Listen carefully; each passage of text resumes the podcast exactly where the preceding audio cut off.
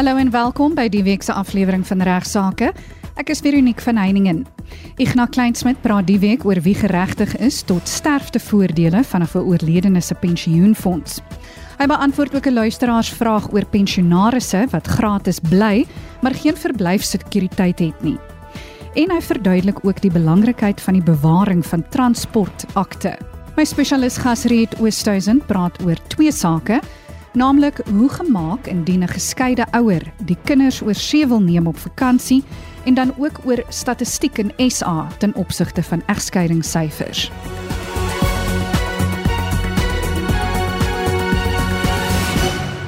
Ons begin die program vandag met Igna wat 'n luisteraarsbrief beantwoord wat verband hou met 'n persoon wat beide ouers aan die dood afgestaan het en sy wil weet of sy nou geregtig is op sterftevoordele vanaf haar pa se pensioenfonds wat na haar ma toe sou gegaan het. Baie hartlik welkom aan almal by regsaake en weer eens vir my lekker en 'n voorreg om met u te gesels en hoop sommige van u is al besig om reg te maak vir die vakansie en sommige van u is al dalk op pad. Ag asseblief tog. Kom ons ry uiters versigtig sodat ons nie deel van die sterfte statistieke word hierdie jaar nie en uh, kom ons kyk wat ons kan doen om ook te verseker dat ons uh, so ry dat ons ander motoriste ook beïnvloed om ons voorbeeld te volg. Nou vraag wat ek baie dikwels kry, ek seker al my kollegas ook veral die wat met boedels werk van weduwees en weewenaars veral is wie's geregtig op sterftevoordele vanaf die oorledene se pensioenfonds.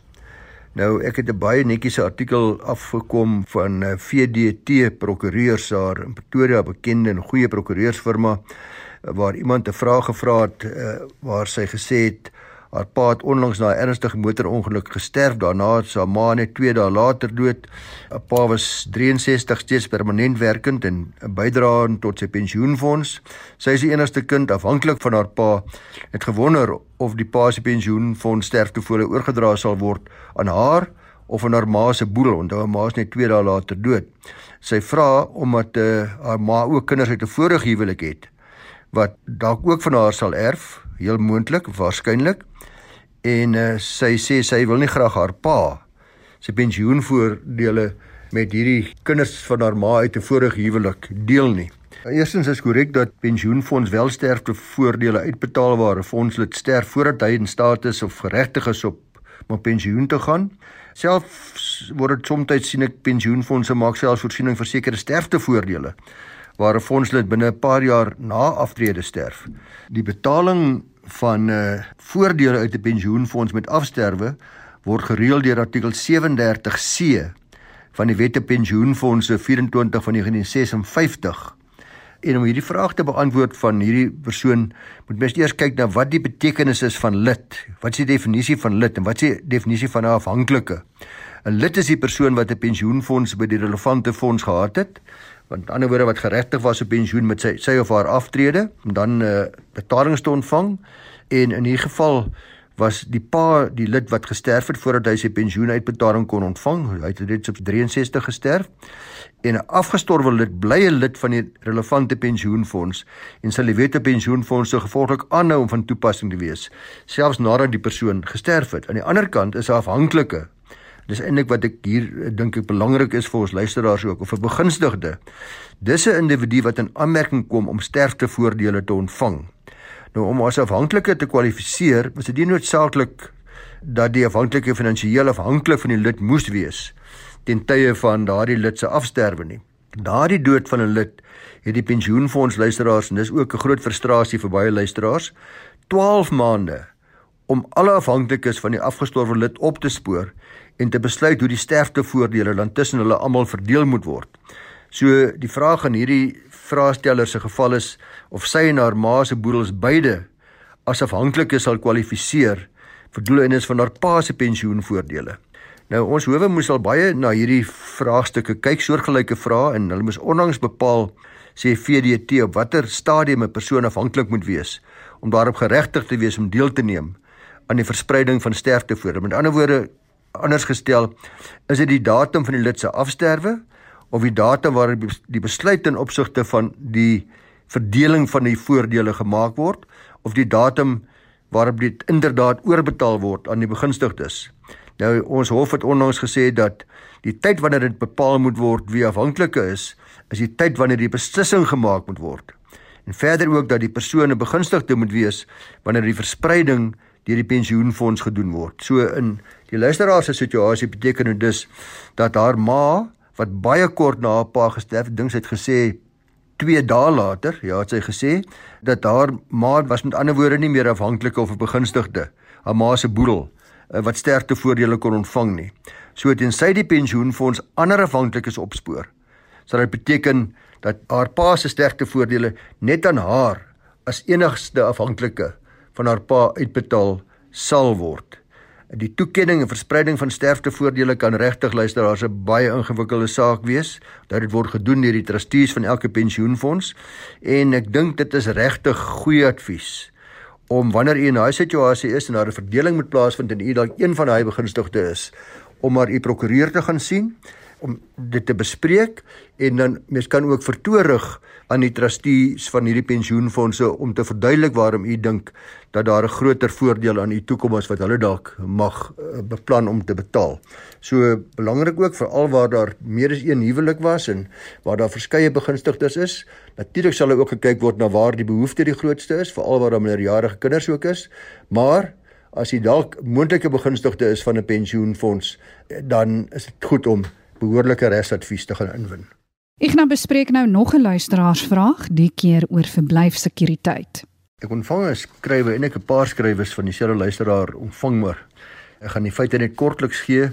Sy sê dat 11 jaar gelede al 'n tipe kleinhoewe ingetrek en hulle is daar verwelkom deur die eienaars van die huis omdat hulle sou dien sekuriteit en hulle sou ook help om die eiendom in stand te hou. Daar was ook ander huurders op die eiendom gewees en voor hulle daar gewees het was daar baie inbrake. Die huis is toe in 3 woonstelle omskep en hulle bly in een enkel woonstel en hulle betaal nie huur nie, maar wel elektrisiteit. Want hulle is dan nou baie waardevol vir die eienaars. Maar die eienaars toe teruggetrek, hulle planne om weg te gaan het misluk en met hulle terugkoms het die man spesifiek dis nou uh, gevra of haar manne of hulle ander verblyf moes gaan soek het, uh, maar die eienaar gesê nee, julle gaan nêrens heen, julle bly net hierso, ons wil julle hierso hê. En uh sy vrou het ook gesê, "Jong, julle kan hier bly tot die dag dat ons doodgaan." Dit was die woorde gewees. Nou nou ondervind hulle baie probleme met ander huurders en want daar's verskillende woonstelle en daar's houtvloere en sit 'n lang storie oor hoekom hulle net die plek wil verkoop. En sy sê wat is hulle situasie nou want hulle bly nou daar en hulle is nou bang as die plek verkoop word is hulle dakloos het hulle reg om te weier om te trek. Al word die eiendom verkoop dat hulle nêrens meer te gaan nie. Hulle is uh, albei pensionaarsse en o, sy sê sy wil anoniem bly. So ek sê daar was ook later briefies gewees en sy sê hulle moet nou o, die later laaste briefie sê hulle het nou begin huur betaal van R2500 per maand plus elektrisiteit. Maar uh, dit gaan met die tyd weer verhoog word in 2023. Weereens as geen kontrak nie net die woord van die eienaars dat hulle daar maar mag bly. Dit was nou baie jare terug gesê, die tot die dag dat sy doodgaan en uh, ook die man wat op 'n stadium gesê hulle gaan nêrens heen nie, toe hulle gedink het hulle moet trek. Nou uh, sy sê hulle kry swaar met die huurgeld. Hulle is net pensionaarsse. Hulle probeer net maar 'n karavaan koop om seker te maak hulle het iewers. Nou luisteraars, belangrik om eerstens daarop te let dat as mens inkomste het en ander verblyf kan bekostig, en jy het nie 'n huurkontrak nie, normaalweg is dit 'n maand tot maand huurkontrak. In daardie geval en dis baie mense wat in daardie situasie is, dan kan jy natuurlik net kennis gegee word van een kalendermaand om te ontruim.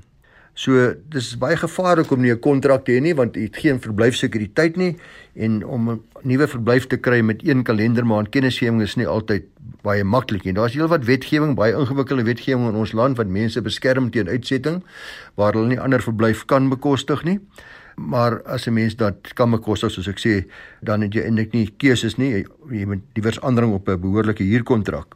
Wat 'n langtermyn huurkontrak betref, vir langer as 10 jaar dan moet dit as dit mondelings is, met ander woorde tot ek eendag doodgaan wat ek wat baie jare kan wees of jy gaan nooit hier weg nie, dan moet dit natuurlik teen die eiendom geregistreer word, teen die titelakte van die eiendom geregistreer word, daardie bewoningsreg. Dit kan soms in die vorm van 'n vruggebruik of 'n habitatio en daar's ander vorms ook, maar as dit nie gedoen is nie, dan is dit baie baie moeilik om te bewys dat jy geregtig is om lewenslank gratis by 'n plek aan te bly. In hierdie geval het hulle klaar lyk met daarmee vrede gemaak dat jy reeds begin huurgeld betaal, maar belangrik is dat as u 'n uh, belofte skryf van baie lank woon op 'n plek, dring daarop aan, gaan nie regskoste aan en gaan registreer daardie verblyfservituut teen die titelakte van daardie eiendom. Uh, dit is normaalweg in die vorm van 'n notariële huurkontrak wat jy ook kan aangaan as dit langer as 10 jaar is en op daardie manier sal jy ook veilig wees. So ek hoop dit help vir ons luisteraar uh, en ook vir ander wat dikwels in dieselfde posisie is omdat hulle nie aangedring het op 'n behoorlike langtermyn huurkontrak nie. Goed, en laastens beklemtoon Ignas die belangrikheid van die bewaring van transportakte. Ek moes die afgelope 2 weke by twee geleenthede mense verwys na ons aktes afdeling omdat hulle hulle transportaktes van hulle vaste eiendom verloor het en nie kan vind nie en dan vra hulle vir my wat nou. Nou luisteraars, dit gebeur so dikwels en ek kan maar net vir die almal vra om asseblief daai transportakte mooi op te pas want vir solank as wat die bank nog 'n verband hou oor jou eiendom, is dit natuurlik geen probleem nie want daardie transportakte word dan deur die bank in veilige bewaring gehou. Maar die dag wanneer u verband afgelos is, kry jy daardie transportakte en nou moet jy dit self bewaar. En dikwels word dit iewers in 'n laai geplaas of ek weet nie waar mense dit oral sit nie, maar gereeld soos klokslag wanneer hulle dan jou huis wil verkoop of wanneer jy te sterwe kom en daai transportakte word nou belangrik, dan weet niemand waar dit is nie. En dit is 'n hele lang en 'n duur proses om so 'n transportakte te vervang want ongelukkig kan u nie transport gee van u vaste eiendom sonder dat u in besit is van 'n oorspronklike transportakte nie. En as jy nie 'n oorspronklik het nie, dan moet jy in terme van regulasie 68.1 van die aktes registrasiewetgewing 'n aansoek doen in die vorm van 'n eetsverklaring en dis 'n hele proses wat daar moet geadverteer word in 'n koerant wat in, in die gebied sirkuleer van die jurisdiksie waarin die eiendom geleë is.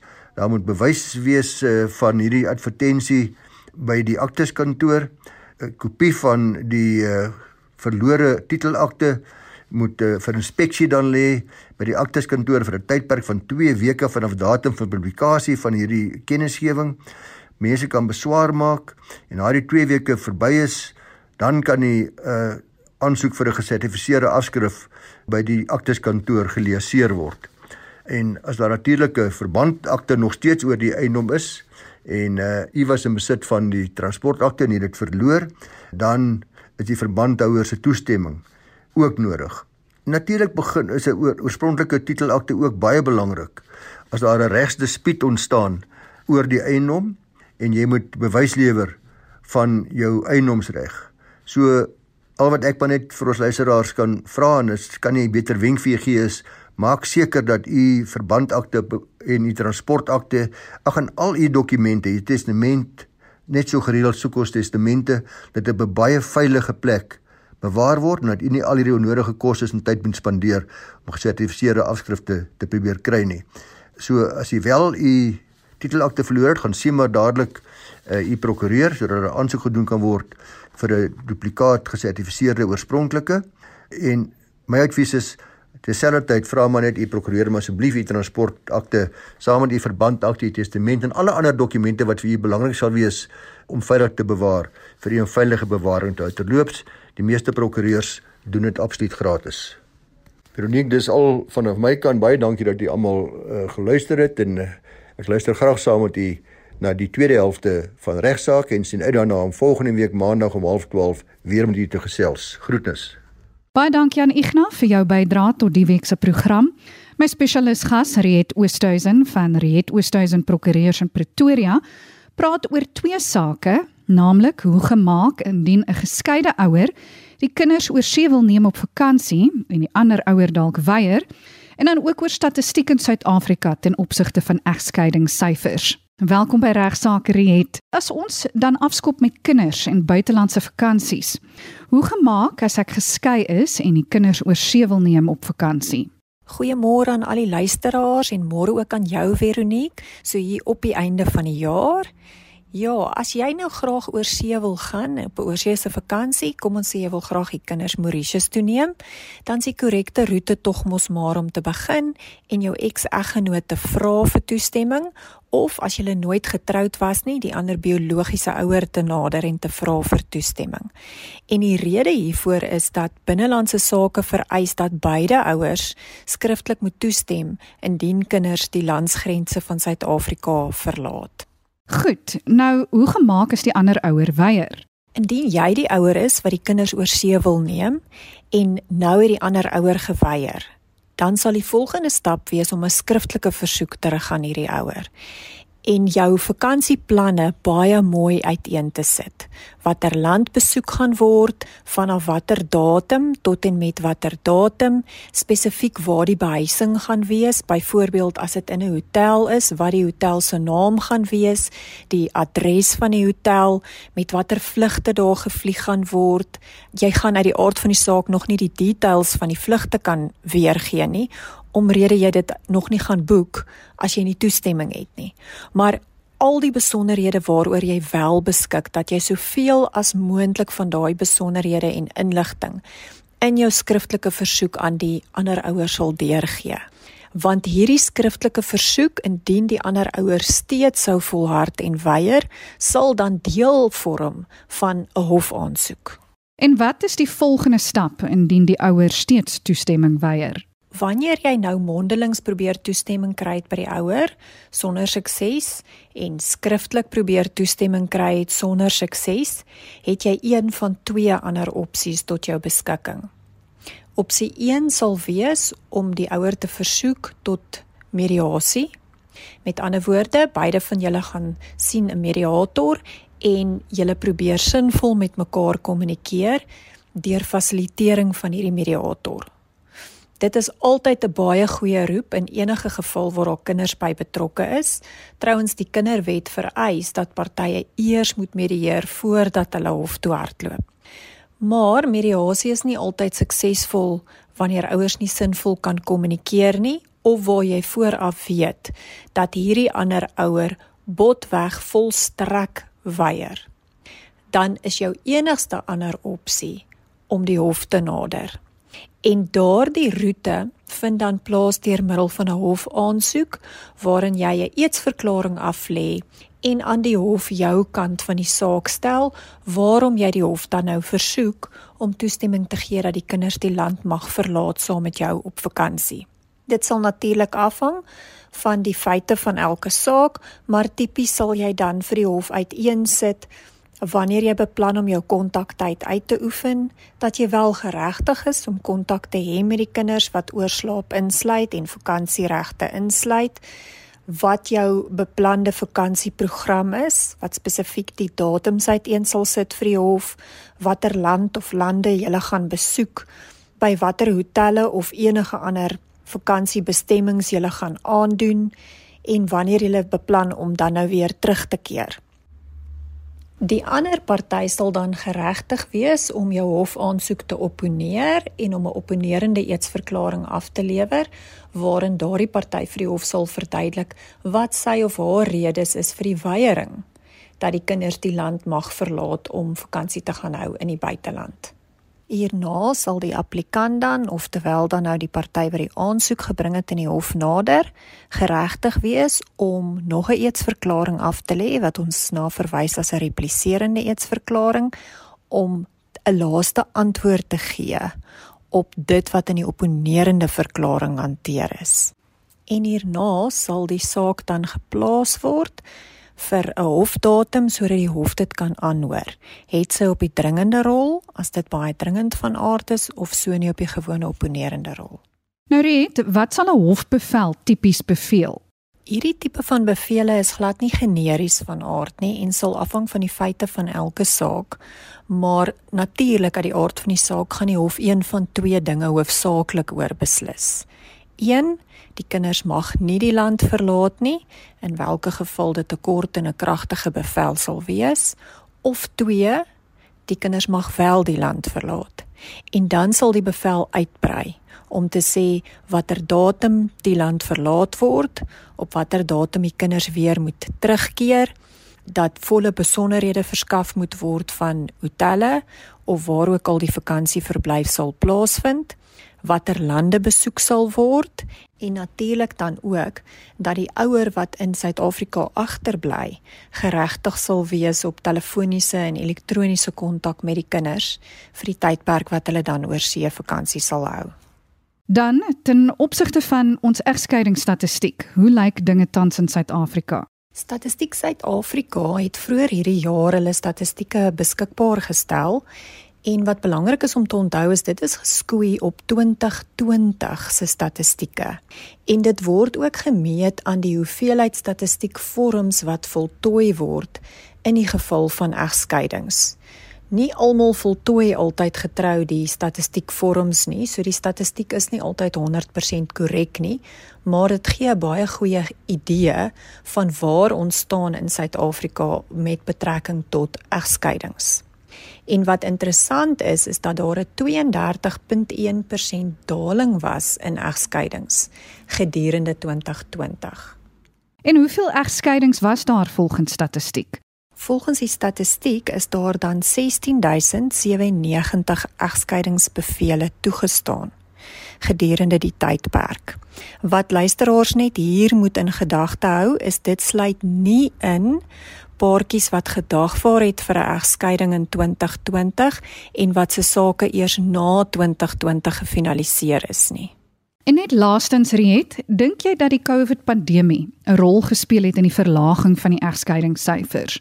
In my opinie het die pandemie baie beslis 'n rol gespeel vir die verlaging van die statistiek. Ons moet onthou 2020 was die jaar waarin die hele wêreld vir 'n bepaalde tydperk tot stilstand gekom het. En daarna het dinge baie stadig eers weer aan die gang gekom, veral ook by die howe. Dit is ongelukkig waar ek die program nou met afsluit. Baie dankie aan Ignas Kleinsmid van van Velden Duffy Prokureurs in Rustenburg vir jou bydrae tot vandag se program. En ek bedank ook graag vir Riet Oosthuizen van Riet Oosthuizen Prokureurs in Pretoria vir jou insiggewende bydrae. Vir enige navrae stuur gerus 'n e-pos na my toe by vero@rsg.co.za. Van my Veronique van Heiningen groete tot volgende week.